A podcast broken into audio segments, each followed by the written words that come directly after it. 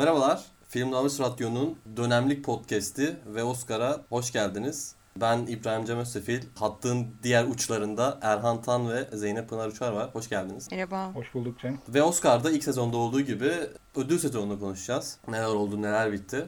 Tabii bugün Oscar adayları açıklandı. En çok ona odaklanacağız doğal olarak. Tabii pandemi etkisiyle de biraz değişik bir yıl. Basit bir örnek Şubat'ın sonunda olacak olan tören e, Nisan'ın sonuna ertelendi. E, ya da direkt online olarak yayınlanan filmler artık Oscar için yarışabiliyor ki bu sadece bir senelik bir olay ama akademi de kendi sınırlarını biraz gevşetti bu sene nedeniyle. Ee, uzadıkça da dönem 6 aylık bir ödül sezon dönemi 8 aya uzadı ve biz de ve Oscar'ın ikinci sezonuna biraz geç başladık dolayısıyla. Yavaş yavaş isterseniz konuşmaya başlayabiliriz Oscar adaylarını. Tabii dediğimiz gibi pandemi etkisiyle Netflix, Amazon e, ya da Apple TV'nin öne çıkması bekleniyordu ki keza da öyle oldu.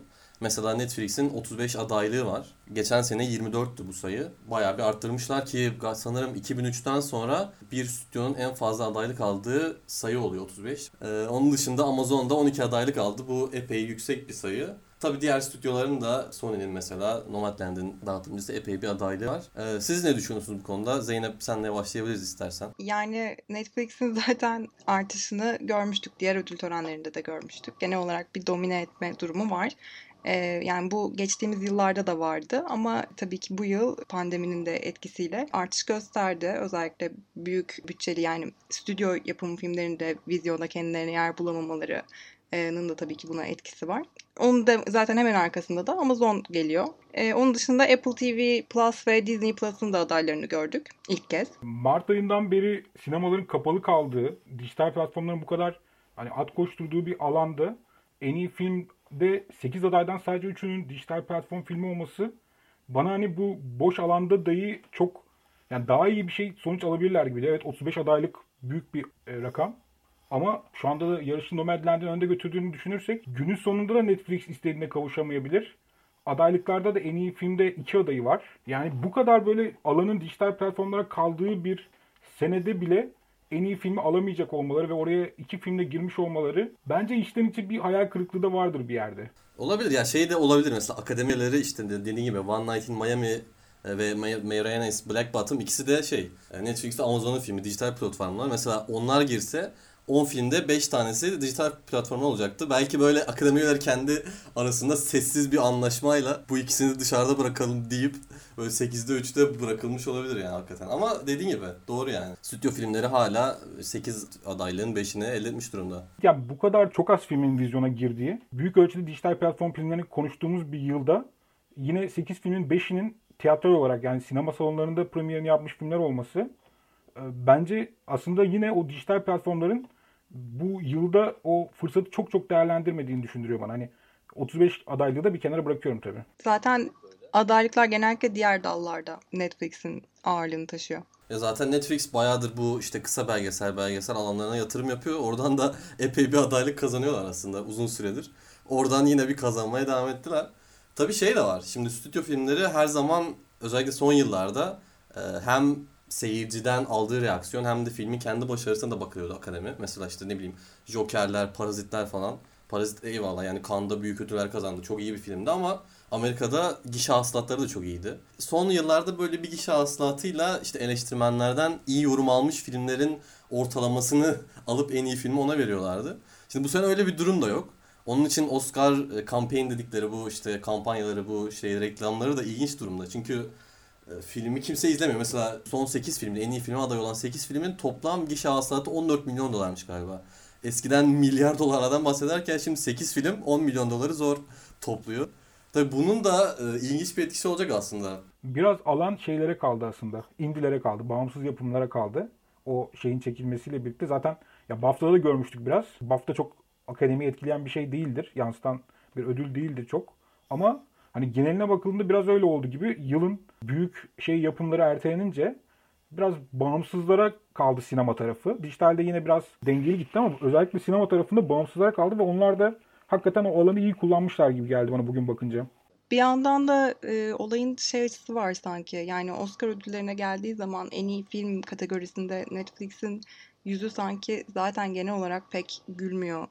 Yani geçen yıl da pandemiden bağımsız olarak e, geçen yıl da zannediyorum iki adaylıkları vardı bu kategoride. Bu yıl da yine aynı şekilde oldu. Yani Oscar ödüllerinin e, aslında bir platform olarak Netflix'e karşı da bir soğukluğu var sanki. Ya ben bu yıl mesela şey yapacağını düşünüyorum. Biraz konuyu şey değiştirmiş gibi olacağım ama yıl sonunda da Netflix'in istediğini alacağından çok emin değilim artık. Hani Trial of the Chicago 7 biraz aslında akademinin ama bildiğimiz anlamıyla eski akademinin sevdiği filmlerdendir. Ama e, bugün Aaron Sorkin en iyi yönetmen arasında göremeyince bir umutlandım açıkçası. Nomadland'i biraz destekleyen biri olarak. Trial of the Chicago 7 sanki bir şey kaybettiği geldi bana orada. En çok adaylık alan film de net bir Netflix filmi Monk. David Fincher'ın yönettiği 10 tane adaylık aldı. Ya muhtemelen bir Irishman durumu yaşanacak orada ama yine de şu an en fazla adaylık alan film Monk.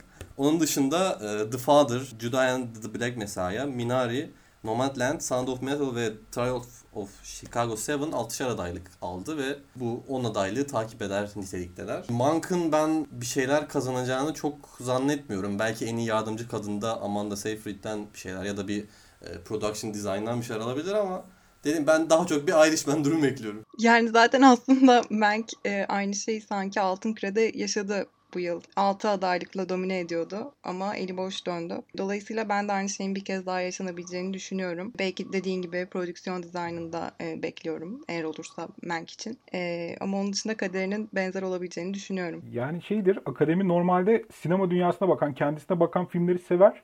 Ama Mank o noktada onların istediği bir yerden bakan bir film değil. Hatta biraz onu sevmeyecekleri bir yerden yapan bir film. O yüzden o avantajını bir tür dezavantaja çeviriyor. Öyle olmasaydı Mank'in bir tık daha fazla şansı olabilirdi. Ama Mank öyle cesur bir hamle yapmışken ben de çok şans vermiyorum açıkçası. Yani belki bir iki teknik kategori dediğiniz gibi. Ama onun ötesinde yani en çok adaylık alan film ünvanıyla yetinecek gibi geliyor bana. Bu şey anlayışı var ya Hollywood kapa- kapalı kutu olmayı sever. Hollywood Hollywood'dan bahseden filmleri sevmez. Acaba onun mu kurbanı oldu diye de düşündürüyor. Olabilir. Ya David Fincher'ın bence hiç yüzü gülmeyecek ya. Yani onun kariyeri böyle ilerleyecek. Ya biz çok seveceğiz. belki gişede bir şeyler kazanacak uzun mesafede ama bilmiyorum akademi belki bir senaryo verir ileride falan ama bir yönetmenlik en iyi filmi vereceklerini sanmıyorum. Bir de yani In the Wire'da bir yerde okumuştum. Yani akademi üyeliği böyle yaşlı üyeler falan ya Fincher çekiyor ama falan ya o modlarda. Onun için uzun vadede çok değişeceğini zannetmiyorum. Ya onun dışında şey de ilginç. Bu büyük kategorilerde, önemli kategorilerde işte yönetmen, oyuncu, senaryo ve kurguda tüm adaylık yani bu dağlardaki tüm adaylar adaylık elde eden sadece Nomadland ve Promising Young Woman var. Dolayısıyla bu ikili aslında belki de en iyi film için en iddialı iki film haline geliyor. Ama yani Nomadland Venedik'te kazandıktan sonra, Toronto'da kazandıktan sonra daha sonra işte Altın Küre her şeyi süpürüyor şu an zaten. Bayağı önde gibi görünüyor ama Promising Young Woman da bir ilk film olarak buralara gelmesi aslında büyük başarı. Ben çok seviyorum filmi. O ayrı mesele de. Sizce en iyi film şansı var mı? Eğer öyle bir fikrin varsa ben de katılıyorum. Yani ben e, filmin konusunu beğeniyorum. Gerçekten çok iyi bir damar açtığını düşünüyorum konuşmak için, herkes için. Ama sanki bu sezon bilmiyorum katılır mısınız bu düşünceme ama Promising Young Woman'dan bahsetmiş olmak için biraz özellikle bu kategoride bahsediyorlar gibi geliyor bana. Dolayısıyla yine aynı şeyi göreceğimizi tahmin ediyorum. Yani en iyi film dalında bir ödül alacağını düşünmüyorum filmin. Ama elbette ki büyük başarı ilk film için. E, aynı zamanda tabii bu kategoride Emerald Fennell ve Chloe Zhao'nun gösterdiği ve kırdığı bir tabu daha var. Çünkü bu kategoride aynı yıl aday olan kadın yönetmenler ilk zannediyorum. Yani tarihi bir başarı ama aynı zamanda tarihi bir ayıp da 93 yıllık tarihte ilk kez olması. Ve yani bundan önce sadece 5 kadın yönetmenin bu kategoride aday olması yani şöyle üst üste baktığında gerçekten hiç hoş durmuyor akademi için. Aynen öyle. Ama yani onda biraz artık dikkate alıyorlar. Böyle programdan önce de konuşmuştuk böyle akademinin değişen yüzü, gelişen yüzü. Ya bu sene aslında baktığımız zaman bir sürü de yeni rekor mu desem artık değişiklik mi desem mesela ne bileyim işte Riz Ahmet'in en iyi erkek oyuncu dalında adaylık elde eden ilk işte Müslüman oyuncu olması. İşte aynı şekilde Steven Yeun'un ilk Asya Amerikalı olması. Aynı anda iki kadın yönetmenin kategoride aday olması. Bunlar hep böyle akademinin değişen, gelişen yüzü. Zaten son zamanlarda da hep buna yatırım yaptıklarını özellikle altını çiziyorlar. İşte daha fazla uluslararası e, isim davet ediyoruz işte akademiye. İsimlerini değiştiriyor. En iyi yabancı film değil de en iyi uluslararası film böyle e, kendilerini bir şirin gösterme çabası var. Ama hala yani tam değişen bir şeyden söz etmek mümkün değil. Ufak ufak bir kıpırdanma var. Ama işte uzun vadede neler olur, neler biter bilinmez. Arada Thomas Winterberg gibi böyle adaylıklar çıkar, sürpriz adaylıklar. Ya da işte Pinokyo iki adaylık verirler. Ya ben Thomas Winterberg adaylığını çok kıymetli buluyorum. Thomas Winterberg adaylığını biraz yayın önce Pınar'la konuşmuştuk bunu. Hani biraz şeydir, reaksiyon adaylıklar vardır. E, temsiliyet konusunda gelen eleştirilere karşı olur. Thomas Winterberg hiç öyle bir şey değil ve ona rağmen adaylık almış olması Oscar'ın üye kadrosunda yapılan değişikliklerin gitgide daha uluslararası bir üye kadrosu olmasını, hani orada temsiliyeti arttırmalarının e, gerçekçi sonuçlar verdiği konusunda beni bir tık umutlandırıyor. Hani çünkü Thomas Winterberg gerçekten böyle bir tepki, reaksiyon e, oyuyla gelecek bir adaylık değil. Oradaki gerçekten oy veren kişiler arasında gerçekleşen bir değişimin epey bir te- şeyi bence göstergesi. Yani geçen yıl Parasite almışken zaten bir umutlandık ama hani bu bir istisna mı düşüncesi hep vardı. Ya bu yıl şu Thomas Winterberg, bu arada adaylığına çok katıldığımı söyleyemem. Bence daha şey adaylar olabilir. Ama orada olması bir sembol gibi gerçekten bir değişimin umudunu veriyor en azından. Hani bunu bir şey yapmamız gerekecek. Önümüzdeki yıl tekrar kontrol etmemiz gerekecek. Hani gerçekten böyle mi diye. Ama o, özellikle Thomas Winterberg özelinde beni bayağı umutlandıran bir gelişme o. Ya akademinin aslında bir böyle paterni de oldu gibi bu. İşte her sene böyle bir Amerika dışından yönetmene adaylık vermek. İşte geçen sene e, Parazit'in yönetmeni. E, ondan önce işte şey Alfonso Cuarón ve Pavel Pavlikovski vardı ki Pavlikovski'nin adaylığı da biraz sürprizdi 2018'de Cold War'la ki o bence çok hak edilen bir e, adaylıktı ama yine de sürprizdi. İşte ya da sinematografide gene Cold War'a adaylık vermişlerdi. E, ya şeyde e, Winterberg özelinde yalnızca en iyi işte uluslararası filmden sonra direkt en iyi yönetmen alması muhtemelen akademi tarihinde ilktir bilmiyorum araştırmadım ama böyle bir şeyler bir şeyler olup da yönetmenliği de hadi onu da verelim gibi oluyordu genelde. Burada hakikaten direkt ona gitmesi beni epey şaşırttı. İşte orada ne bileyim Amerika'nın çok sevdiği Aaron Sorkin dururken ya gerçi onun senarist olarak çok sevilen bir adam ama e, Chicago Seven de çok dönemi ruhuna uygun bir film ya. Yani ben kesin bakıyordum. Ya işte akademinin bu Amerikalı beyaz erkeklerin sevdiği şeylerden biraz böyle uluslararası ve daha temsiliyetin kuvvetli olduğu bir şeye doğru geçişinin bence epey bir göstergesi olabilir. İleriki yıllarda bakıp evet bak burada böyle bir kırılma olmuştu diyebiliriz. Yani daha önceki yıllarda başladı senin dediğin gibi o Pavel Pavlikovskiler falan da var. Adaylar arasında temsiliyeti güçlendirmek değil de oy verenler arasında temsiliyeti güçlendirmek gerçekten işe yarayacak gibi düşündüm bugün. Çekincelerim var ama biraz daha umutluyum bu konuda. Yine de temkinliyim. Yani 1-2 saat öncesine göre daha temkinliyim. Böyle e, baktıkça bir şeyler buluyorum, çatlaklar buluyorum. Ama temkinli bir umut diyelim. Yani ben gözden geçirirken çok korkunç bulduğum şeyler gördüm. Yani sen de biraz bahsetmiştin az önce ama Viola Davis'in en fazla adaylık alan siyah kadın oyuncu olması ama dört adaylıkta bunu yaşaması. Yani bu bana çok korkunç geliyor bilmiyorum 93 yıllık bir tarihi olan bir ödül töreninde bu şekilde anılması falan. Yani evet bir değişim olabilir ama hani geç kalınmış e, olduğu gerçeğinde sanki değiştirmiyor. Evet evet onu hani öyle bir şey çıktıysa mutlaka düzelteyim. Şu bugün açıklanan ilklerin şey olduğu kadar korkunç bir tarafı da var. Yani bu ilkleri bu yıl yaşıyor olmamız gerçekten korkunç tarafları var.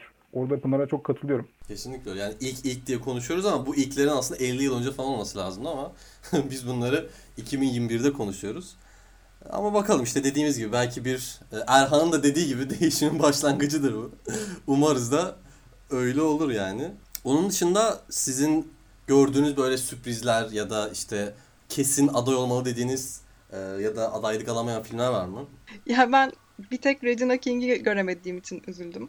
En iyi yönetmen de. Bilmiyorum bekliyordum. Evet en iyi yönetmende. İlk denemesinde özellikle. Anılacağını düşünüyordum. Ben de bekliyordum bu arada. Adaylık elde edeceğini düşünüyordum ama olmadı. Evet ya ben en iyi filmde ayrıca The Five Plus'ın da anılacağını düşünüyordum. Ya da Spike Lee'nin bir şekilde anılacağını düşünüyordum. Onu da göremedim. Ama onun dışında tabii ki hani e, genel anlamda sevindirici sürprizlerle de karşılaştık. Yani Another Round'un e, yönetmeninin özellikle görünce ben de çok mutlu oldum. Yönetmenler adı o kategoride aday olduğunu görünce. Belgeselde Dick Johnson is Dead'in olmamasına üzüldüm. Dick Johnson benim bu yılki yani bu ödül sezonundaki favori filmlerimdendi. The Five Bloods hakikaten bu yılın en büyük sanırım sürprizi kötü yönde. Çünkü hani sezon boyunca adından söz ettirdi ve en azından Delroy Lindo'nun bir yardımcı erkek oyuncu ya da erkek oyuncu adaylığı alması konuşuluyordu hep. Onlar varken böyle sadece bir adaylıkta kalması ve hiçbir major kategoride alamamış olması büyük sürpriz. Ben şey yönünde umudumu, ya umudumu koruma değil ama bunu böyle sezonun belli bir yerinde kopmuş olmalarının bir bahane olamayacağını düşünerek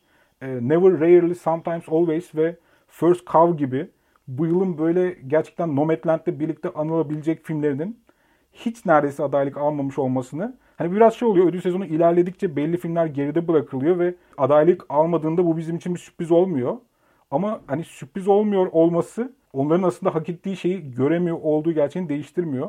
Yani First Coven ve Never, Rarely, Sometimes, Always'in olmadığı bir aday listesi bence biraz eksik. Yani bu arada şey de evet Never Later Sometimes Always belki Oscar ödülleri Mayıs'ta düzenlense her şey alacaktı yani. O ara herkes bir şoktaydı ya işte sinemalar kapandı, filmler ne olacak falan. Tam o ara çıktı film ve çok da beğenilmişti aslında. Ya biraz sert ve zor bir film aslında yani akademinin çok seveceği türden bir film değil ama çok iyi bir film olduğu gerçeğini değiştirmiyor bu. Ya ben aslında ya buralara geldiğin gelmesini ve bir senaryo adaylığı kazanmasını bekliyordum. Ama dediğin gibi yolda biraz kayboldu. Yani işte iyi film olmak yetmiyor akademinin gözüne girmek için. Biraz da işte işte reklam, e, şans, her şeyin bir arada yürümesi lazım. The Five Blood üzerinde de aslında biraz öyle oldu. Film Haziran'da girdiğinde aslında bayağı Spike Lee'nin yeni bir filmi daha işte Oscar'a yürüyor falan filan gibilerinden konuşulmuştu ama sezon uzadı. Aradan onca şey geçti. İşte film mesela Kanda açılacaktı %90 ihtimalle. Kanda açılamadı direkt Netflix'e girdi. Muhtemelen onun biraz talihsizliğini yaşadılar ama ona rağmen Delroy Lindo hala şeydi aday olabilir. Yakın zamanda açıklanan bu işte e, meslek birliği ödüllerinde e, eleştirmenlerde vardı aslında. Yani o momentumu biraz korudu. isminden söz ettirdi. Ama Oscar'da alamadı. Yani o geride bırakılma da değil tam. Bayağı e, Oscar tercih etmedi oldu. Akademi tercih etmedi oldu. Gerçekten öyle yani biraz dayıma da talihsizlik oldu ya. Bir daha kariyerinin artık düşüşlerinde böyle bir Oscar çekebilecekken onu e, yaşayıp alamaması biraz üzücü oldu. Ben de üzüldüm. Böyle sevimli de bir abimiz yani. Alsa biz de mutlu olurduk aslında. The Assistant ve Palm Springs'ten de belki adaylıklar bekliyordum. İşte şey The Assistant'ta işte Julia Garner'ın bir en iyi yardımcı kadın ya da işte en iyi kadın oyuncu. Palm Springs'in de şeyi e, senaryoda özellikle bekliyordum. Tam da aslında akademinin sevdiği türden bir film Palm Springs ama o da olmadı. Bir de On The Rocks'ta Bill Murray adayla gelir diye bekliyordum. Böyle her sene olur ya Tom Hanks var, Meryl Streep var abi verelim falan. O belki bu sene biraz Anthony Hopkins'e gider gibi oldu. ya ben onların almadığında çok mutlu oldum. Bu e, kontenjanlı akademi şeyleri Tom Hanks'tir, Meryl Streep'tir. Bill Murray onlardan tam değil ama Tom Hanks'in de News of the World'la adı geçiyordu. Almamasını e, evet. gerçekten şey yaptım. E, sevindim. Çünkü onlar artık bir tür kontenjan açılmış gibi sürekli oradalar. Ve yani performansları iyi olmasa da alıyorlar bazen. Bu adaylıklarda bir de şeyi söyleyebilirim. E, Jodie Foster Mauritanian filmiyle yardımcı kadın oyuncuyu almıştı e, Altın Küre'de. Yani Altın, Altın Küre'nin Küre, evet. e, Oscar'ın ne kadar göstergesi olmadığının sembolü gibi bir şey oldu. Çünkü adaylık da alamadı. Andrade'in mesela onun da Andrade'yi aldığında Altın Küre'yi yine adaylık bile alamayacağını konuşuluyordu ama adaylığı aldı en azından. Etkisi olmuş mudur diye de merak ediyorum. Çünkü tarihlere baktım ve Altın Küre'den sonra geliyor adaylıkların oylamanın sonlanması. Ya bir yerde etkisi olmuş mudur onu da merak ediyorum açıkçası. Yani popülerlik anlamında hakikaten bir etkisi olabilir ama e, onun dışında çok çok minör artık yani bunu zaten uzun yıllardır konuşuyoruz. O son belki 15-20 yıldır öyle Altın Küre ile Oscar çok farklı şeyler. Şimdi Altın Küre'nin de en son işte bu diversity olayı çıktı ya.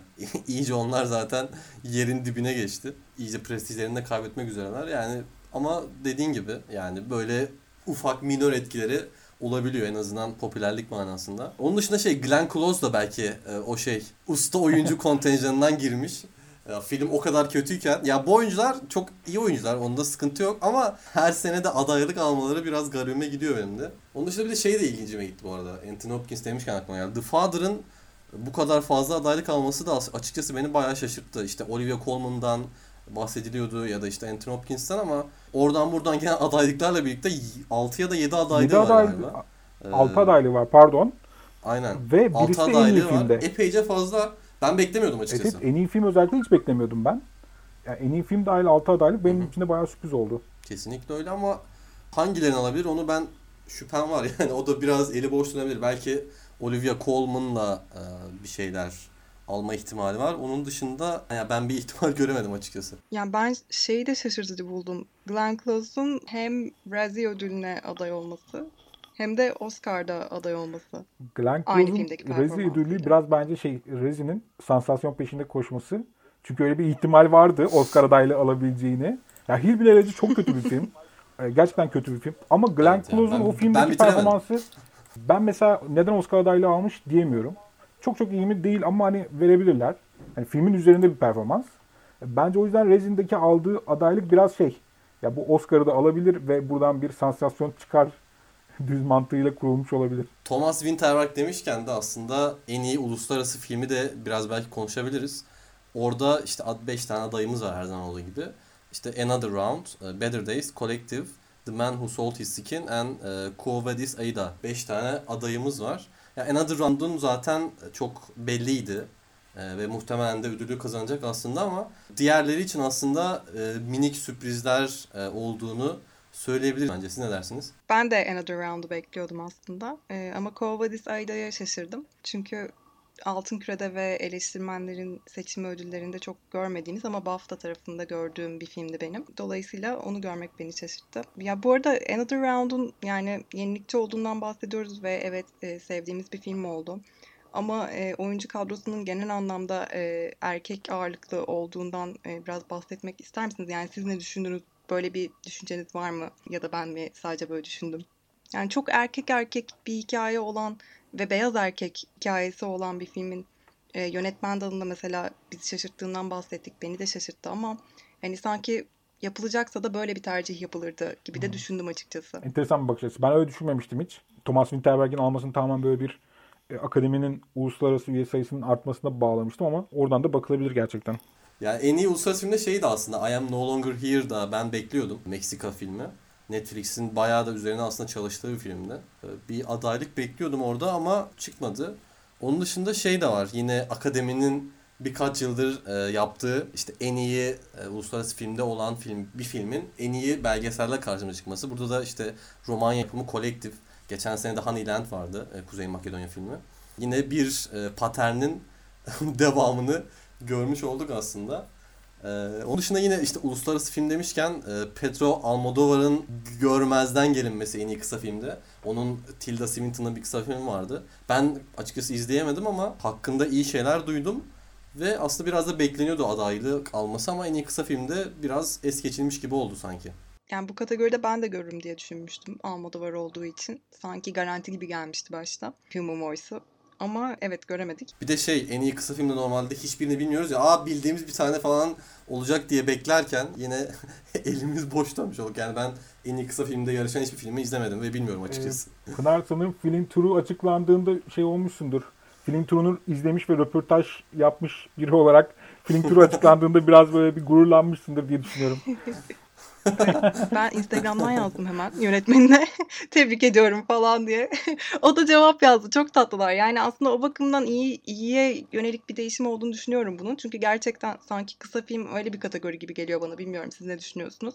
Ama hani ya Almodovar'ın kısa filmindense görmediğim bir kısa filmi görmek. Mesela bizim işte yani New Filmmakers LA Festival'den de o da çok küçük çaplı bir festival. Onların da duyurduğu iki film de yine yer almış. Bu beni daha çok sevindirdi Akademiyle açıkçası. Altın Küre arasındaki en büyük farklardan biri bu.